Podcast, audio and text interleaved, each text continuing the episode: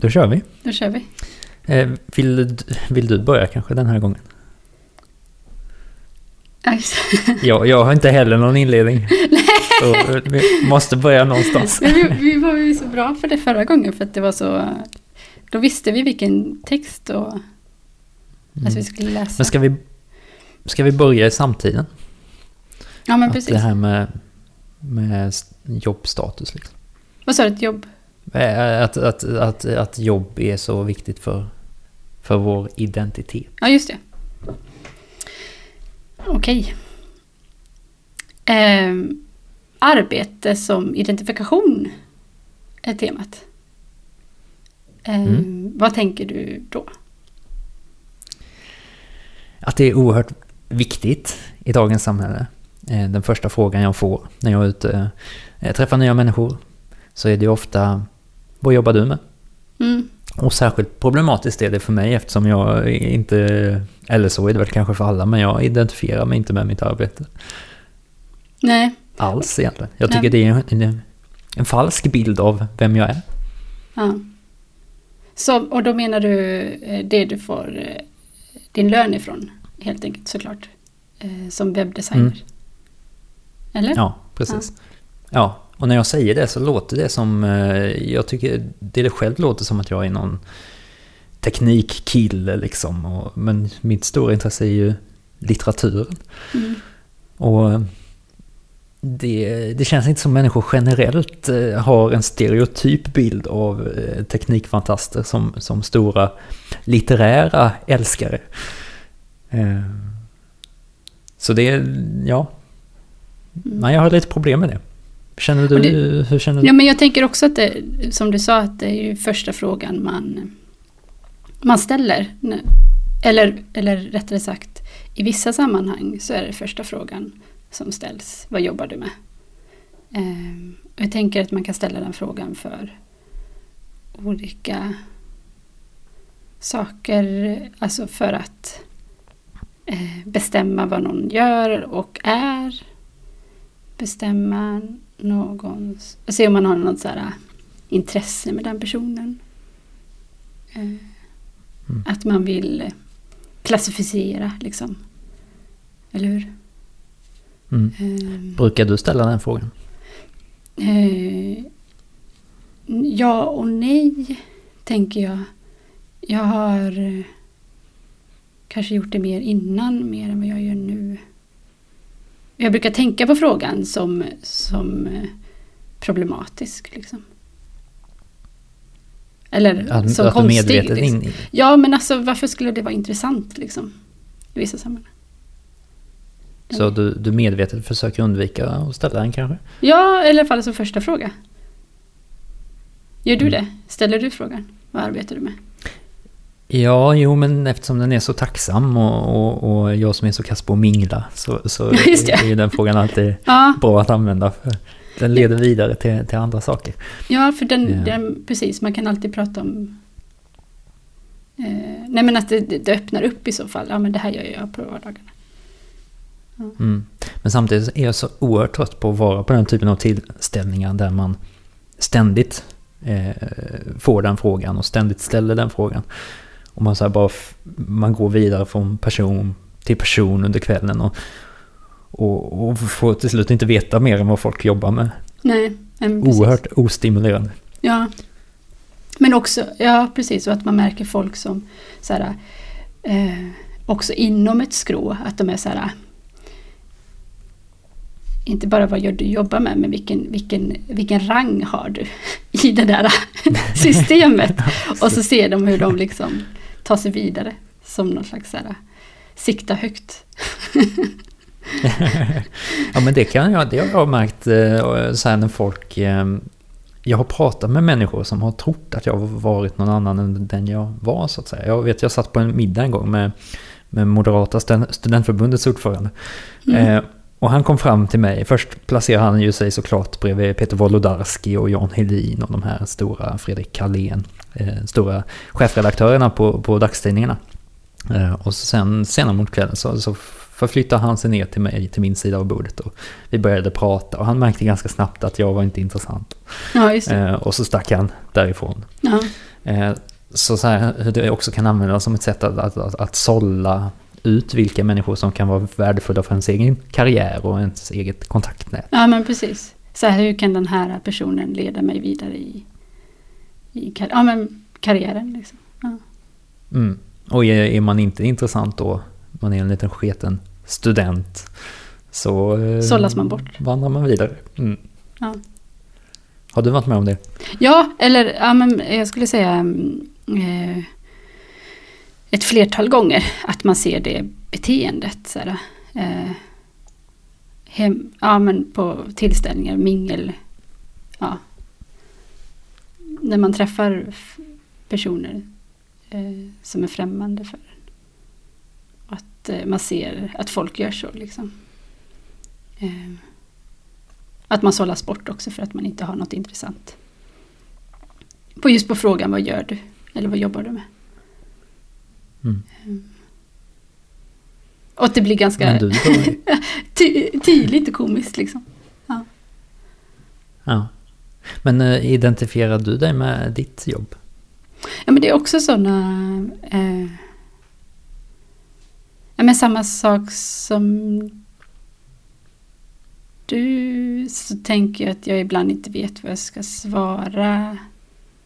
Eh, eller det är väl ganska tydligt var jag får min lön ifrån och att eh, nu de senaste åren har jag varit vid universitetet och jobbat. Eh, för som doktorand och som nu som lärare och lektor. Men att det också är så här vad... Eh, vad var frågan? Om jag identifierar mig du- med jobbet? Mm. Mm, nej. Eller? Jo.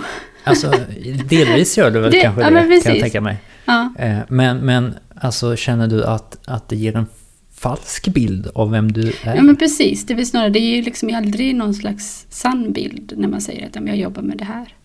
Men också att eh, de olika jobben jag haft har ju också varit någonting som eh, Nej men en stolthet liksom.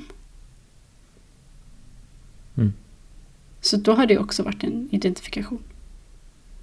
Att det blev alltså stolthet på vilket sätt? Att du har känt att det har gett dig någonting att, att berätta det då? Ja, ja men precis. Ja. Och till skillnad från andra jobb, jag har ju känt så ibland att eh, eh, jag inte har berättat vad jag sysslar med kanske egentligen. Vad det får ditt... Ja just det. Att man inte säger var man får lönen ifrån. Mm, till exempel. Ja. Och då har man ju inte velat känner- identifiera sig med arbetet. Nej.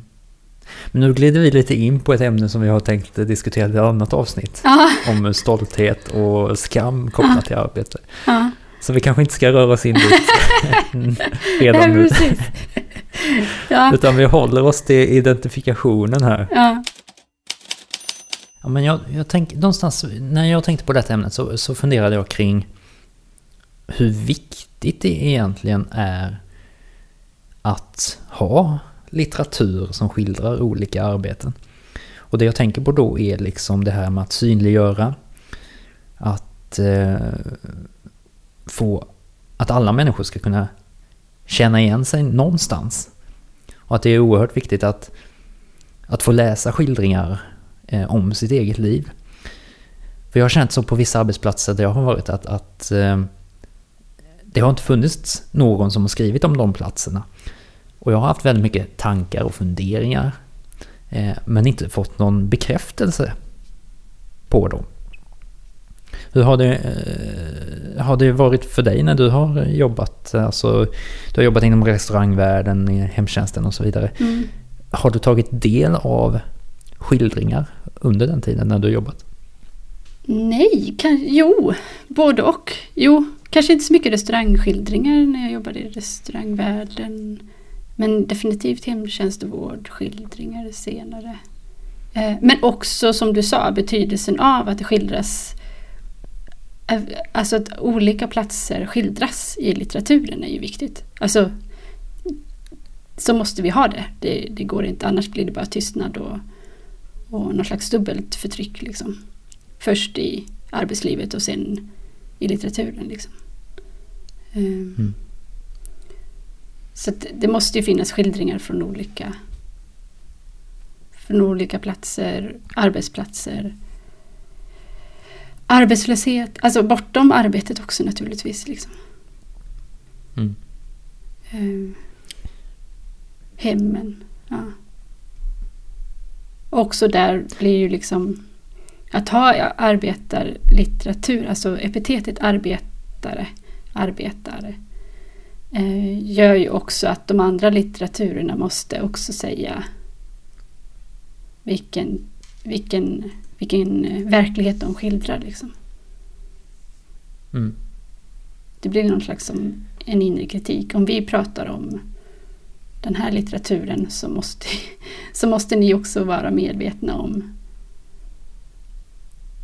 eh, om ni skriver från ett, ett, en medelklass eller överklassmiljö. Liksom. Mm. Och inte från men någon slags jag tänker- allmän flummig idé. Nej. Nej, men det är här jag tänker att identifikationen ändå blir viktig. Liksom. Ja, Eh, För alla identifierar vi ju oss, inte 100% med någonting, men, men på, i olika grader med olika saker. ja, Och att, att arbete är en så stor del av vår vakna tid. Att det också är viktigt att, eh, att, att kanske oavsett om man vill eller inte identifiera sig med det, ja, få ta del av andra som, som lever under samma omständigheter så att säga. ja, Eh, Och hur det faktiskt också kan stärka en att få läsa den typen av skildringar. ja. Att den här, att, att den skildras liksom. Mm. Mm. Jag vet inte om du har du kände du så liksom att eh, jag tänker att det är två olika former av känslor som kommer till en om man läser om sin arbetsplats. Å ena sidan kanske en igenkänning och en, en, en, om man gör något viktigt och allt sånt här. Eller då att man inte alls håller med. Liksom. Att man blir Ja, men precis. själv måste skriva. Ja men precis, att man, nej, men det här stämmer ju inte i, i relation till mitt arbete. Ja. Och att man också då liksom Nej men att, att litteraturen kan göra det, att den kan visa så här en, en form av förståelse. Och att man kan förhålla sig till den, att, att man kan få syn på sin egen verklighet. Eh, men också skillnaderna däremellan. Liksom. Mm. Och att det kan bli en identifikation i den skillnaden också kanske då. Ja, Eller, Ja. ja. ja, Men att det ändå kan sätta igång alltså, eh, skillnader och saker man inte håller med om kan ju ändå sätta igång en tankeprocess inom en människa. ja, Eh, som är eh, viktig, tänker jag. ja, Men också så här, hur, hur, hur, inom arbetarlitteraturen också då, om vi pratar framförallt om den, så tycker jag att det finns ju en... Måste man identifiera sig med det arbete som man skriver om så att säga? Den problematiken har jag råkat ut för. Jag har varit på arbetsplatser som jag gärna hade velat skriva om. Men jag har varit där en kortare tid. Mm. Eh, och då har jag inte känt att jag har haft eh, rätt att skildra platsen. just det. För Eh, att så man tänker att- identifikationen här blir ju en, en förutsättning för att få skildra någonting, tänker jag. Just det. Någon slags också tanke om det autentiska. Mm. Eller? Att man ska Mm, ha den jo, autentiska berättelsen. Och också som en kritik av vissa berättelser att de inte är autentiska eller det här var ju bara en besökare. Mm. Jo, precis. Och att man inte vill ha den det. besökaren. Att det, har man rätt snarare liksom? Har man, har man rätt att... När, när uppstår den rättigheten att få skildra någonting som, som att man... Alltså man kan inte bara gå in i ett, i ett fotbollslag och säga hej nu är jag en del av er. Eh, utan det krävs ju, eh, krävs ju en process för att komma in i sammanhang och, och få, få identifiera sig med en grupp. Tänker Ja. ja, men precis. Men, men alltså jag, jag tänker att jag har... ehm, Eh, nej men jag har brottats med den problematiken. Dels i mitt avhandlingsarbete. Liksom. Så här, vem får vittna för vem? Om man tänker, vem får skriva för, om vad och för vem? Att det är... Eh, eh, vem som helst får ju skriva vad som helst. Men frågan är väl också, eh, blir det intressant? Eller hur? Jag men har det här... med identifikation eller med... Nej, men jag tänker med, snarare... Med liksom sanningshalten nu? Nej, eh, nej, men jag tänker att, att frågan om får man eller inte är inte... Jag tycker inte att den är lika viktig. Jag tycker inte att den är den viktigaste frågan att ställa. För jag tänker, det får man. Vi kan inte ha något annat liksom. Vi kan inte säga vissa personer får enbart skildra vissa berättelser. Så kan vi inte ha det. Men vi kan ställa frågan, är det här, blir det intressant? Är det, är det, är det, ger det någonting? Um, mm. och, men, men, eh, och det tänker jag att man kan ställa till litteratur man läser. Men också i sitt eget skrivande såklart. Är det intressant om jag går in och gör den här berättelsen? Men, men i relation till, till din situation, Sara, hur, eller du, har, du hade en konkret sak. Kan jag skildra den här platsen även om jag bara varit besökare? Besökare, för du har ändå varit lönearbetare. Eller hur? Liksom, mm, under, alltså under liksom, så är, så är det ju bara givet att så är att eh, alltså att eh, man får och kan och ska. Liksom. Det är till och med imperativ. Alltså det är så här, du ska. du ska skriva det. Du ska skriva det här. Vem ska annars göra det? En plikt. Eller klart, det finns jättemånga som kan skriva om det. Men fattar du att vi kan inte ha det som ett slags lager av, av begränsning. Ja. Nej, men samtidigt då som jag väldigt tydligt kände att eh, eh jag snabbt eh, eh, fick nya insikter och att det hade varit viktigt för mig att vara kvar på arbetsplatsen för att faktiskt förstå ännu mer och kunna skriva ännu bättre. Men, ja. men så känner jag i allt jag gör och producerar ändå att det kan alltid bli bättre. Liksom. Det här samtalet vi för nu, det är aldrig tillräckligt bra. Liksom. Ja. Eh, det är väl en annan problematik kanske. Men jag tänkte på Göran Palms berättelse, för, är det 70-talet? Det var länge sedan jag läste den. Mitt år på LM. Heter den så? Mm. Mitt år? Eh, Eller ja, ett år?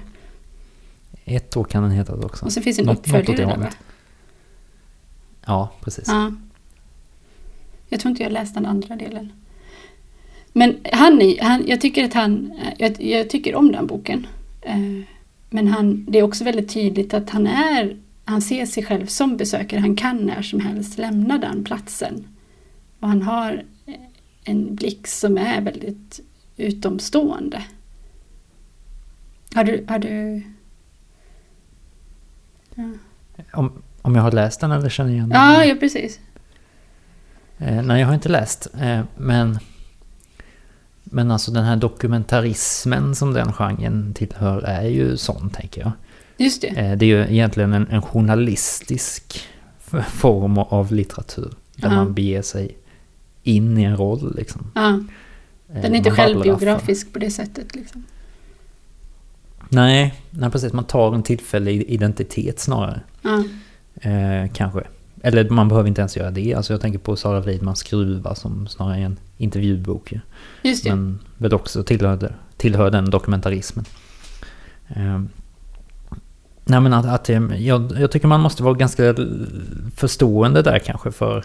Ja, ja men precis. Men jag tänker just att, att det blir tydligt i hans bok att han inte identifierar sig. Eller? Förstår du vad jag menar? Okej, okay, att, att han skriver fram det liksom. Ja, att han skriver fram det. Men att det också blir intressant liksom. Det låter ju väldigt bra om han gör det faktiskt. Ja. Att han inte gör ett anspråk på att, att vara en av dem som arbetar där. Utan just, just har gått in i en sån roll att han ska han är där för att han ska skriva om det. Ja. Att man då hittar ett läge som, som alltså ändå känns okej. Okay.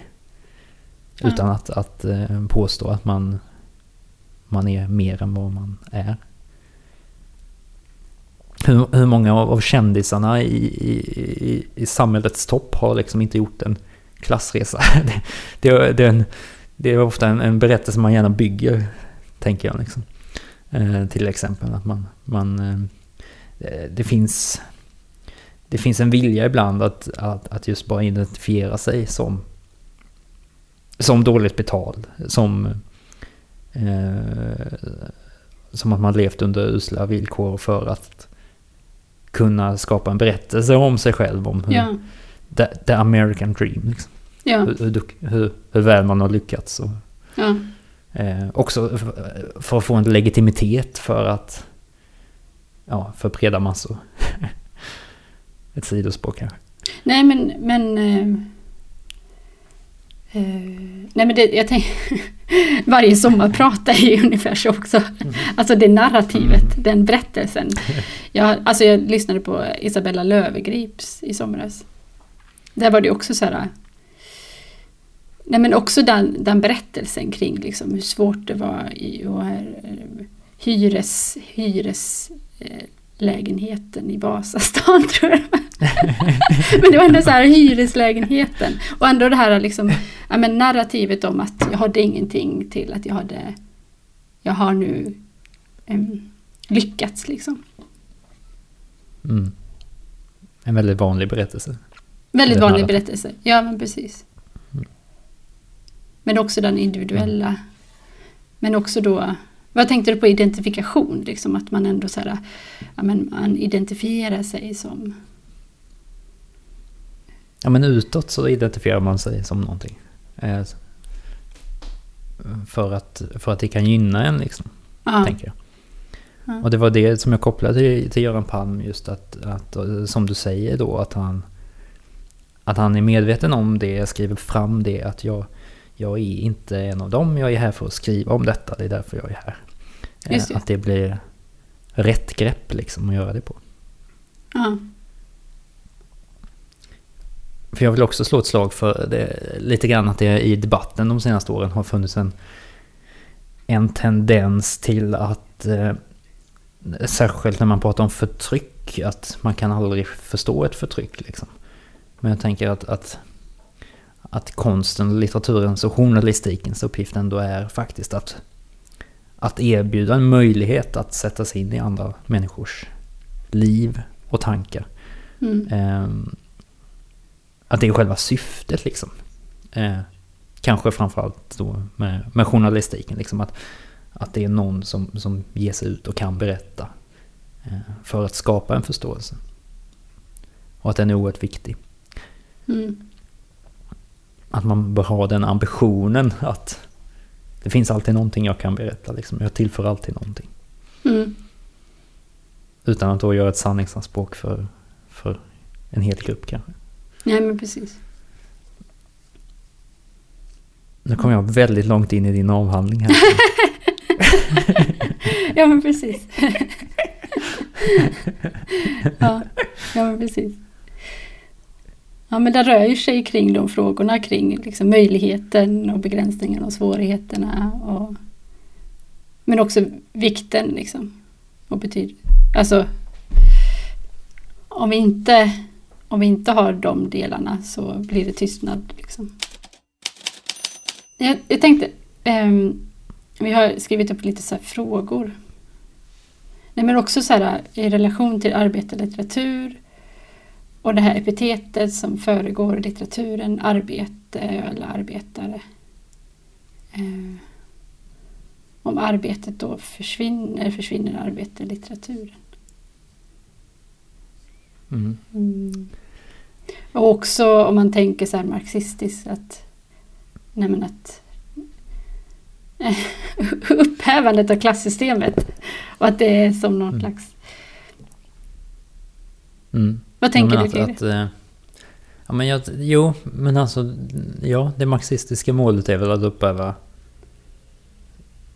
klassystemet liksom. Och det är ju det som är det paradoxala lite i arbetarlitteraturen då kanske också, att den kanske vill den vill sätta fokus på klassfrågorna och eh, någonstans i många fall också därmed upp, upphäva sig själv liksom, som, som existerande genre, tänker jag. Eh, eller jag har tänkt så. Men jag funderade om lite nu, för alltså även i andra samhällssystem och andra produktionssätt så kommer ju människor tvingas arbeta. Och att det kommer ju fortfarande finnas ett behov av att, att skildra sin vardag och arbetet är en viktig del av den vardagen. Mm. Så arbetarlitteratur i någon, någon, någon slags form tänker jag måste alltid finnas. Mm.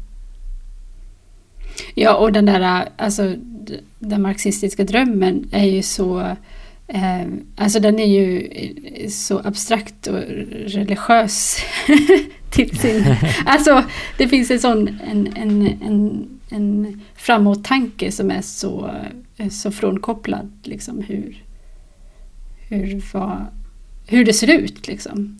Så att den, den, den är inte imorgon eller ankommande liksom. Mm. Den är svår att tänka liksom. Mm. Jo, och sen har du det här andra då, om, man, om, man, om vi stannar kvar vid marxismen lite grann. Så är ju också en motsägelse i begreppet just arbetarförfattare. För antingen är du arbetare eller också är du författare. Mm. Och författare är ett borgerlig, en borgerlig sysselsättning. Eh, och hur, kan man överhuvudtaget vara arbetarförfattare? Nej. Det går ju inte. Det är ju en paradox. Eller det är liksom en... Det är ju per definition ett helt eh, knäppt begrepp liksom. Mm. Men jag tänker så här, de flesta börjar ju, eller många arbetarförfattare börjar ju som yrkesförfattare, eller yrkes, eh, yrkesarbetare, kroppsarbetare eller vad det nu kan vara. Eh, och sen blir de författare. Liksom, vad, eh, vad händer där i den förflyttningen? Kan man fortfarande skildra arbete på samma sätt när du har blivit författare? Eller, eller händer mm. någonting där? Men eh, jag tänker att man kan svara nej och ja på den beroende på vilken position man tar. Typ så eh, och samtidigt tänker jag att det är en fråga som är ständigt aktuell i att skriva. Oavsett om man skriver om arbete eller inte arbete eller någonting annat. Liksom, så. Och att det, den, den saken alltid är där. När man skriver så är man inte i den situationen som... Eller det är klart man kan också men... men eh, Oftast skri skriver man i efterhand. Liksom. Ja, ja, men precis. Eller att liksom en... Och att, att skrivandet har sitt, sin situation och sina premisser som inte andra saker har. Eh, som inte arbetet har eller som inte relationerna har. Eller om man då skriver relationsdramer. Eller ja. Alltså, det är ju liksom det här skrivandets premiss liksom. Förstår du vad jag menar? En omöjlighet. Vad sa du? Eller Eh, som en omöjlighet liksom. Ja, men som en omöjlighet. Man kommer ju aldrig... Nej, men därför är sanningsanspråket alltid liksom... Eh, eh, det är inte viktigt. det, är inte, det är inte relevant egentligen. Alltså, det handlar ju om litteratur. Det är ju liksom tänkt att man ska vrida och vända och belysa saker och gestalta saker. Och... Mm. Jo, precis. Ja, men och, och någonstans så kokar detta ner eh, till en av de här anteckningarna som jag hade här. Så, så, så ställer jag mig frågan över... Eh, man pratar ju ofta om olika former av yrkeslitteratur. Eh, alltså man, här, man delar gärna in liksom här är hemtjänstlitteratur och här är... Ja, just det. Eh, Där är jag! Här är bygg, byggarbetarlitteratur och, och så här. Ja. Liksom. Eh, men egentligen är det fullkomligt irrelevant också. Liksom. För, för på någonstans så finns det ju eh, släktskap mellan alla former av arbete. Och man kan ju dra det så långt som att det finns... Alla människor lever. Och det finns ett, släktskap i tankar och så, vad man känner igen sig i. Eh, bara genom att vara människa så att säga. Ja. Eh, är det överhuvudtaget relevant att liksom dela in eh, litteratur sådär specifikt. Liksom. Jag kan tänka mig att, att i mitt jobb som, som miljöarbetare, så, eller som vaktmästare, så har jag stor eh, behållning av, av, av hemtjänstlitteratur. Liksom. Ja. Det är mycket att känna igen sig i maktstrukturer, ordningar och så. Ja, men precis. Ja. Eller och bara att, att vara människa. Ja, men precis. Och att, det, att eh, man får syn på likheter mellan olika yrken. Eller situationer. Mm. Eller? Ja, eller då skillnader. Eller skillnader, ja men precis. Som också kan sätta ord. Ja. Försöker du läsa mycket eh, så här, just om vi pratar rena arbetsplatsskildringar? Liksom, hur, hur är det på jobbet? Om jag gör det? Mm. Eh, ja och nej. Jag tänker att jag alltså läser. Jo men absolut att jag läser men inte enbart. Eller ja. Själv då? Läser du? Söker du dig till den? Mm. Jag kan tycka, alltså, själv tycker att det kan vara väldigt intressant. Att, alltså, jag, jag dras nog till den typ av litteratur, ja det gör jag nog. För jag tycker att det är intressant. Jag tycker arbete som sak och, och fenomen äh, är... Ja, men I samhället, det är liksom så mycket av vår tid som ägnas åt arbete. Liksom. Mm. Så att... Äh, mm. Jag tycker ofta att, in, att litteraturen blir spännande och intressant när jag tar del av den. Ja, och jag tycker också att det funkar väldigt bra som alltså, eh, plats och tema för att eh, skildra någonting ja, men te tematiskt eller alltså på ett speciellt språkligt vis. Alltså att det finns mycket eh, poetiska grepp att, att bygga, bygga arbetsplatsskildringar på. Liksom. Eh, det finns ju ofta någonting du kan hämta och, ja. och, och fokusera kring. Liksom, som sticker ut. Ehm, men sen är jag, jag är också väldigt hänförd av, av, av berättelser med stark eh, och, och spännande dramaturgi. Mm. Och då kanske inte ar, arbetsplatsen i sig är det viktiga liksom, utan snarare då relationer mellan, mellan människor på arbetsplatsen så att säga. Ehm. Men att det är som, som formmässig litteratur är väldigt bra litteratur att, att skriva ja. om sitt arbete. Men jag tänker att, eh, eh, nej men precis att den kan gå eh, Nej men, ja men precis, jag, jag, tror att jag vet, jag förstår vad du är inne på. Alltså att den inte behöver vara fokuserad på relationerna eller dramaturgin på så sätt. Utan den kan liksom närma sig andra skeenden. Eller? Och vara in, in, ja, jo men alltså... Ja. Men också inriktad på sig själv som dikt eller som språk. Mm. Ja, ja, men det är bra sig själv liksom där. Ja. Ehm, det, det, har ju varit, jag vet många arbetarförfattare har, har ju liksom, eller marxister har ju, har ju eh, sett, eh, sett ner på estetiken liksom. Att det estetiska är eh, borgerligt dåligt, det står i vägen för, för berättelsen så att säga. Men, men estetiken kan ju också om man upphöjer den på rätt sätt var oerhört fascinerande. Mm. En estetisk, språkligt estetisk skildring av arbetsplatsen. Mm. Ja, precis. För det är, ett, det är ett unikt språk på arbetsplatsen. Jag hade också någon tanke om, om att det idag är väldigt populärt att skildra just att, att vara väldigt tydlig med att man är en att man är en viss typ av författare. Alltså man är Eh, man skildrar eh, kallskänken, eller man, man skildrar eh, hemtjänsten. stålverket, hemtjänsten. Men i den här gamla arbetarlitteraturen så är det mer liksom, upplever jag, det här är en, en högst subjektiv spaning, att karaktärerna rör sig genom olika arbeten. Liksom. Mm. Alltså, ta Ivar. Johanssons Kungsgatan, han har väl... Just jag tänkte på den liksom. också. Att det är liksom inte Eh, identifikationer med vissa specifika yrken. Liksom. I den. Nej. Nej. Nej. Utan att det är tillståndet snarare liksom. Mm. Eller hur? Och det tycker jag är Ja, ganska intressant. Också i relation till mitt eget yrkesliv. Liksom att, att jag rört mig i så många olika yrken.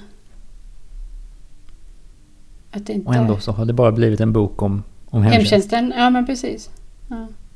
Ja men att ja precis, att, att den flyktigheten mellan olika yrken, alltså trots att vi idag har väldigt mycket visstidsanställningar, tillfälliga... Ja, Gig. eller hur? Det var ju, alltså, Så, så, nej, precis. Så, så framgår inte det i litteraturen utan eh, litteraturen tenderar att fokusera på ett av de här gigen. Liksom, ja, snarare än tillvaron. ja,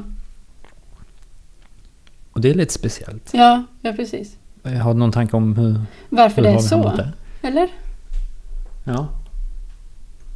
För jag tänker just att men visstidsanställningar och, och att folk rör sig i olika arbetsplatser och olika yrken är väldigt vanligt. Liksom. Eh, Men tänker du att det finns en sån skillnad mellan de olika, alltså dagens litteratur, 70-talets litteratur eller liksom tidigare litteratur? Nu har jag inte tänkt jättenoggrant på det här men, men min spontana känsla var ju alltså att jag ändå kom... Ja, men tänkte jag på tänker också så här att- att- hans- Att det är väldigt få, få idag som har varit på en arbetsplats så att de får en guldklocka till exempel. Mm. Samtidigt, eller hur? Att det finns en... Ja, precis.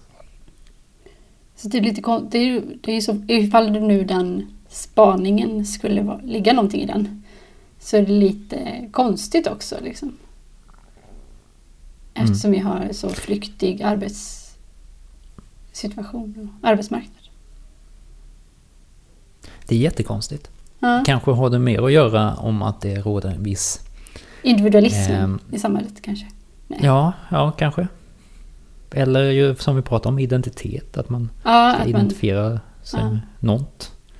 Eh, eller att det helt enkelt ligger i estetiken. Att, alltså sättet att skriva litteratur på idag.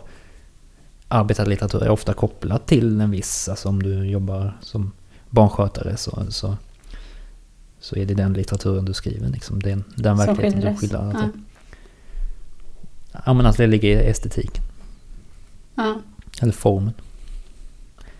Det, vi funderar, funderar vidare på detta. Alltså, Ja, och är det någon av...